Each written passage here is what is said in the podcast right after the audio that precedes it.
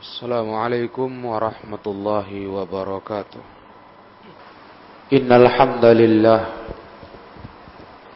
نحمده ونستعينه ونستغفره ونعوذ بالله من شرور أنفسنا ومن سيئات أعمالنا من يهده الله فلا مضل له ومن يضلل فلا هادي له أشهد أن لا إله إلا الله وحده لا شريك له وأشهد أن محمدا عبده ورسوله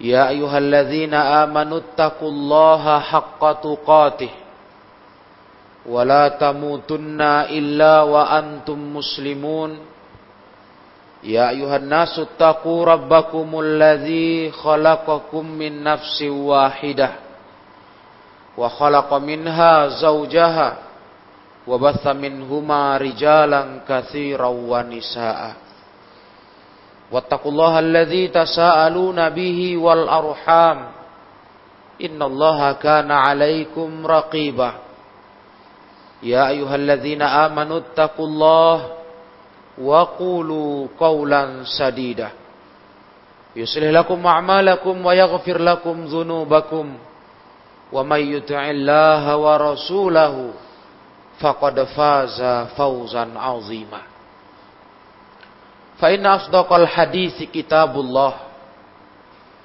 وخير الهدى هدى رسول الله صلى الله عليه وسلم وشر الأمور محدثاتها فإن كل محدثة بدعة وكل بدعة ضلالة wa kulla dolalatin finnar. Amma ba'd. Ma'asyiral muslimin, jamaah Jumat yang dirahmati Allah tabaraka wa taala. Alhamdulillah pada hari ini kita berada di 25 dari hari bulan Ramadan. Dan pada hari ini pula adalah hari di mana terakhir kita berada di Jumat bulan Ramadan. Subhanallah. Ramadan sudah hampir selesai. Ramadan sudah hampir meninggalkan kita. Yang berarti ma'asyiral muslimin rahimakumullah bulan penuh ampunan yang Allah sediakan dalam setahun sudah hampir usai. Semestinya ma'asyiral muslimin yang dimuliakan Allah. Sebagai orang-orang yang mengimani Allah dan hari akhir. Momen Ramadan yang tinggal sedikit lagi dapat memberikan faidah kepada kita untuk kembali merasakan apa yang semestinya dirasakan oleh setiap orang yang beriman kepada Allah dan hari akhir. Satu rasa yang mungkin sudah lama dan sudah sangat banyak manusia melupakannya, sudah sangat banyak orang-orang tidak merasakannya. Di Ramadan ini, ma'asyiral muslimin yang mulia, sepatutnya lah kita memiliki kembali rasa itu yang sudah Nabi Shallallahu Alaihi Wasallam rasakan dalam hidupnya dan beliau sangat ingin ini dirasakan oleh umatnya. Itulah dia masyarakat muslimin rasa lezatnya beribadah kepada Allah. Menjalani tugas ibadah yang itu tugas inti kita dicipta. Sebab untuk apa kita ada? Agar kita beribadah kepada Allah. Dan kita ketika menjalankan ibadah kepada Allah tabaraka wa taala, sepantasnya lah merasakan kelezatan. Merasakan kenikmatan. Ketika kita mengerjakan tugas kita sebagai hamba kepada Allah subhanahu wa ta'ala. Tapi bukankah ma'asyiral muslimin yang dimuliakan Allah? Bukankah Apa yang terjadi selama ini dalam kehidupan kita umat Islam? Beribadah kepada Allah masih banyak hanya sekedar tanggung jawab tugas. Tanpa merasakan kenikmatan ibadah itu. Tanpa merasakan manisnya ibadah itu merindukannya.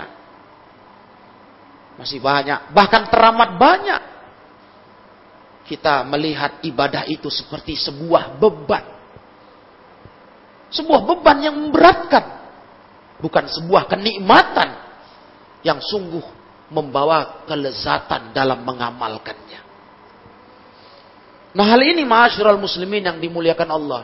Yang Allah tabaraka wa ta'ala didik kita setiap kita berada di bulan Ramadan. Karena Ramadan adalah bulan penuh ibadah. Di Ramadan kita sudah rasakan semangat untuk mengamalkan ibadah kepada Allah meningkat Semangat untuk tunduk kepada Allah dan mentaati Allah bertambah. Ini harusnya kamu mampu kondisi ini sampai hari ini 25 Ramadan menumbuhkan di dada-dada kita rasa lezatnya beribadah kepada Allah. Kalau mungkin kita dulu masih merasa ibadah itu beban. Ketika datang waktu ibadah kita merasa seperti ada yang berat. Ada yang mengusik aktivitas kita, mengusik kesibukan dunia kita. Dengan Ramadan ini harusnya ma'asyurul muslimin yang namanya ibadah kepada Allah tabaraka wa taala, khususnya salat, ibadah rutin kita yang tak pernah putus kewajibannya dari kita. Itu mestinya menjadi sebuah kelezatan, kenikmatan, kerinduan ketika tiba waktu masuk solat itu Allah Ta'ala panggil kita untuk beribadah menyembahnya hanya kepadanya. Rasulullah Shallallahu Alaihi Wasallam bahkan para jemaah yang mulia dalam urusan solat ini Rasul menegaskan wajulat qurratu aini fis solah dijadikan penyejuk hatiku yang bikin menggembirakan aku itu ada dalam ibadah solatku Lihatlah ma'asyiral muslimin. Nabi wasallam menegaskan dalam hadis riwayat Ahmad yang bikin sejuk, bikin tenang hati itu adalah solat. Ketika datang solat kita menghadap Allah tabaraka wa taala. Di tengah banyak manusia merasa kewajiban solat itu beban hidup. Kalaupun dia mengamalkannya, sekedar lepas tugas. Yang penting saya tidak meninggalkannya. Tanpa merasakan lezatnya ketika menghadap Allah dalam solatnya. Para jemaah yang dirahmati Allah tabaraka wa ta'ala. Sampai-sampai Nabi Muhammad wasallam kalau sedang merasa gundah gulana, kalau sedang merasa ada himpitan hidup, kesulitan, ada kesulitan dalam berbuat, dalam beramal, Rasulullah memanggil Bilal bin Robah, sang muadzin beliau. Apa kata Rasul? Ya Bilal, wahai Bilal. Serukan solat. Serukan solat. Tegakkan solat. Ayo kita solat. Akimis solat. Arihna biha. Buat kami tenang. Buat kami gembira. Buat kami nyantai dengan solat itu. Hei Bilal, ayo tegakkan sholat. Azan. Itu hadis juga riwayat Imam Ahmad dengan derajat yang sahih. Rasulullah sudah merasakan ma'asyiral muslimin. Nikmatnya ibadah kepada Allah. Rasulullah sudah merasakan. Bagaimana menyenangkannya ibadah kepada Allah di hidup ini. Yang manusia malah merasa itu beban. Itu menjadi sebuah kesibukan yang mengusik aktivitas-aktivitas dunianya. Subhanallah. Ini yang harusnya kita bongkar. Pemikiran-pemikiran, perasaan-perasaan seperti itu kita buang. Bagaimana mungkin kita menganggap beribadah kepada Allah beban? Beribadah kepada Allah itu membuat kita tersibukkan dari urusan-urusan yang kita pandang penting. Sedangkan kita dicipta Allah memang untuk ibadah kepadanya. Wahai kaum muslimin, jemaah Jumat rahimakumullah. Jadikan ibadah. Jadikan tugas beribadah kepada Allah itu sesuatu kelezatan yang kita nikmati. Yang kita gandrungi, kita senangi. Inilah pengkaderan Ramadan. Lihat di bulan ini. Berlomba-lomba kita, walhamdulillah. Berlomba-lomba kaum muslimin menambah ibadahnya kepada Allah. Harusnya yang seperti ini Rasa nikmat lezatnya beribadah seperti ini yang terus tumbuh di dada-dada kita umat Islam di luar Ramadan nanti. Tinggal tersisa beberapa hari, ma'asyiral muslimin. Bulan penuh barokah, penuh rahmah dan ampunan Allah ini kita tinggalkan.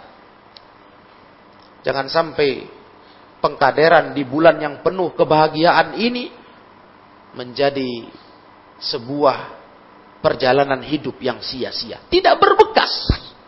Tidak melahirkan rasa nikmat beribadah kepada Allah subhanahu wa ta'ala. Kita pernah mendengar hadis. Hadis yang sahih bahwa Rasulullah Shallallahu Alaihi Wasallam pernah yuwasilus siam fi yaumaini awis salasah Pernah Rasul puasa itu disambung Nabi. Dua hari berturut-turut atau sampai pendapat di riwayat berikutnya tiga hari. Itu puasa terus nggak berbuka. Para jemaah kita yang sudah menjalankan Ramadan dengan ketentuan dasar syariat yang harus berbuka dalam sehari, kita sudah merasakan Betapa gembiranya ketika sudah tiba waktu berbuka. Karena betapa menyenangkannya. Betapa senang dan butuhnya kita untuk makan minum. Dan memang betul-betul puasa ini sebuah ujian iman. Karena tidak ringan, tidak mudah menahan lapar minum karena Allah. Tahu-tahu Nabi berpuasa Ramadan. Sampai tiga hari tidak berbuka. Bersambung terus. Yuwasil Dikenal dengan puasa wisal. Nah ketika itu para eko yang mulia. Ditanya oleh sahabat. Mereka perhatikan ini Rasul gak berbuka. Ada sahabat tanya, ya Rasulullah, inna katuasil. Ini kamu sepertinya ya Rasul sedang berpuasa terus menerus. Kau belum berbuka ini sudah hitungan masuk hari ketiga. Para jemaah yang dirahmati Allah tabaraka wa taala. Apa kata Nabi Shallallahu Alaihi Wasallam? Sesungguhnya aku, sesungguhnya aku diberi makan, diberi minum oleh Rabbku. Yut'imuni Rabbi wa yasqini. Aku ini diberi makan, diberi minum oleh Rabbku. Membaca hadis itu mungkin banyak orang berpikir, Rasul diberi makan minum seperti makan minum kita, tapi dengan cara lain oleh Allah. yakni cara yang gaib. Padahal kata Imam Ibnul Qayyim rahimahullah, yang dimaksud Nabi, aku beda sama kalian, aku diberi makan, diberi minum oleh Rabbku. Kata Ibnul Qayyim rahimahullah, al-muradu yang dimaksudkan diberi makan, diberi, diberi minum oleh Rabbku, Rabbku Allah memberikan aku makan minum itu berupa ma'arifihi. Ternyata bukan bentuk makan minum nyata para jemaah. Ketika Rasul berkata, aku beda diberi makan minum oleh Rabbku. Ternyata makan minum yang dimaksud kata Ibnu Qayyim, Allah karuniakan kepada Nabi sallallahu alaihi wasallam ma'arif, ma'rifatullah. Kesadaran tentang Allah yang menimbulkan kecintaan, yang menimbulkan kenikmatan beribadah kepada Allah sampai-sampai rasa butuh kemakan minum pun sirna. Karena begitu lezatnya beribadah kepada Allah Subhanahu wa taala. Itu kata Ibnul Qayyim rahimahullah. Coba bayangkan para jemaah. Sebuah kesenangan dunia yang menjadi kebutuhan pokok hidup manusia. Makan, minum. Itu bisa sampai hilang dari Nabi Sallallahu. Rasa butuh, rasa ingin. Dengan banyaknya limpahan dari Allah berupa ma'rifatullah. mengenal Allah yang menumbuhkan kecintaan, kerinduan, kelezatan beribadah kepada Allah sampai Nabi dengan santainya tak berbuka hingga hari ketiga. Para jemaah, dahsyatnya kenikmatan yang sudah dirasakan oleh Rasulullah Shallallahu Alaihi Wasallam dalam beribadah kepada Allah Subhanahu Wa Taala. Dan nikmat beribadah ini pula yang dirasakan oleh para sahabat Rasul. Yang kita semua tahu bagaimana sejarah membuktikan. Bahkan sebuah ibadah yang sangat menakutkan hari itu. Di awal-awal datang wajibnya pun. Sahabat yang dikenal sudah terbiasa. Hidup sebelum Islam datang dengan kekerasan. Itu pun terasa berat kata Allah di hati mereka ketika panggilan berjihad sudah turun dari langit sana. Allah turunkan ayat untuk berjihad melawan kufar. Terasa di hati sahabat ada agak berat. Manusiawi para jemaah. Karena jihad itu mengancam kehidupan. Jihad itu mengancam keberlangsungan di, di muka bumi ini bagi kita yang sedang menjalani. Tapi perhatikanlah para jemaah yang mulia. Allah karuniakan di hati mereka kelezatan beribadah dengan jihad. Sampai akhirnya subhanallah. Yang namanya jihad. Menyabung nyawa. Membela agama Allah. Meruntuhkan kesyirikan dengan segala simbolnya. Menjadi sebuah kebahagiaan yang tidak terkira di hati sahabat. Dirindukan mereka. Kapan pun seruan jihad berkumandang. Rasul memanggil mereka. Semuanya siap berjalan bersama Rasul Shallallahu Alaihi Wasallam sampai ibadah seberat jihad yang jelas-jelas mengorbankan nyawa dan kebahagiaan itu pun menjadi sebuah ibadah yang begitu nikmat lezat di hati para sahabat. Nah inilah buah para ikhwah yang mulia. Kalau sudah merasakan kelezatan ibadah, maka ibadah mana pun yang ada dalam Islam yang memang itu merupakan sesuatu ketentuan syariat itu dirasakan dan dijalani dengan lapang dada, dengan penuh kesenangan dan kenikmatan. Ramadan ini seharusnya lah menumbuhkan kembali rasa yang hilang itu di hati umat Islam. Jadikan momen Ramadan ikhwah sebagai suatu bulan yang mendidik kita untuk meraih rasa nikmat beribadah kepada Allah. Karena kita pun menyadari ketika kita introspeksi diri, mestinya kita terus bertanya ke diri kita, kenapa? Kenapa saya bisa sadar di Ramadan? Meningkatkan ibadah-ibadah kepada Allah. Terasa menyenangkan. Menggembirakan.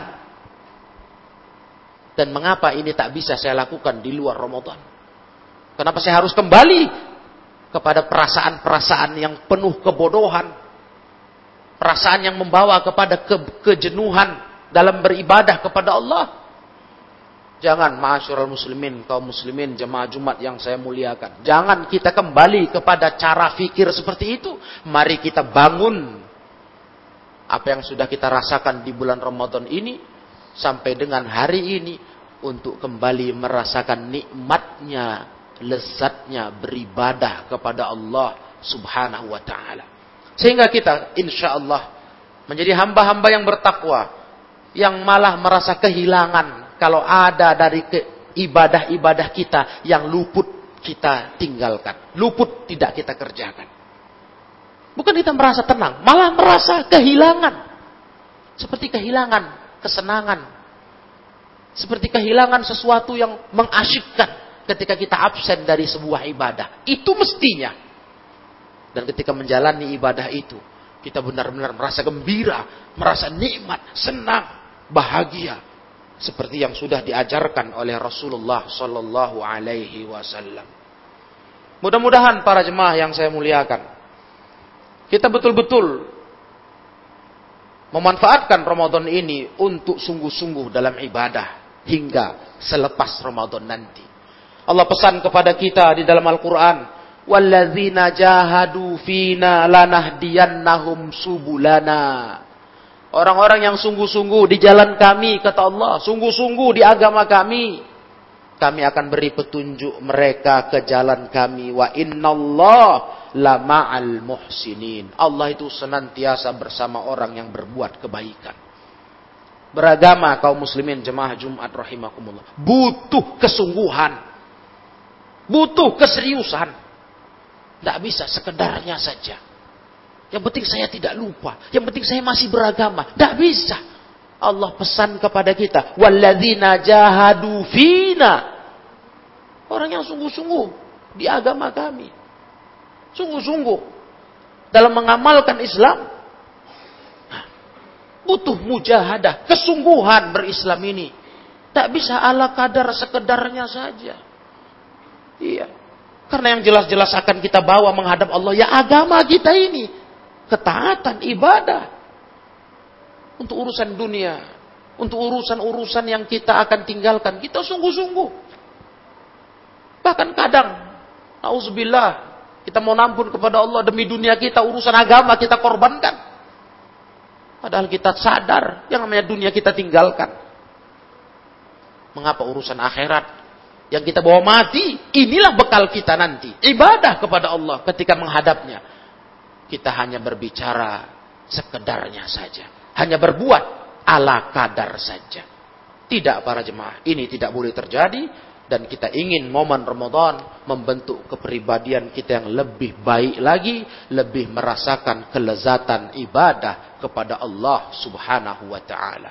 Aku lu qauli hadza astaghfirullah li wa lakum wa lisairil muslimin wal muslimat fastaghfiruh innahu huwal ghafurur rahim.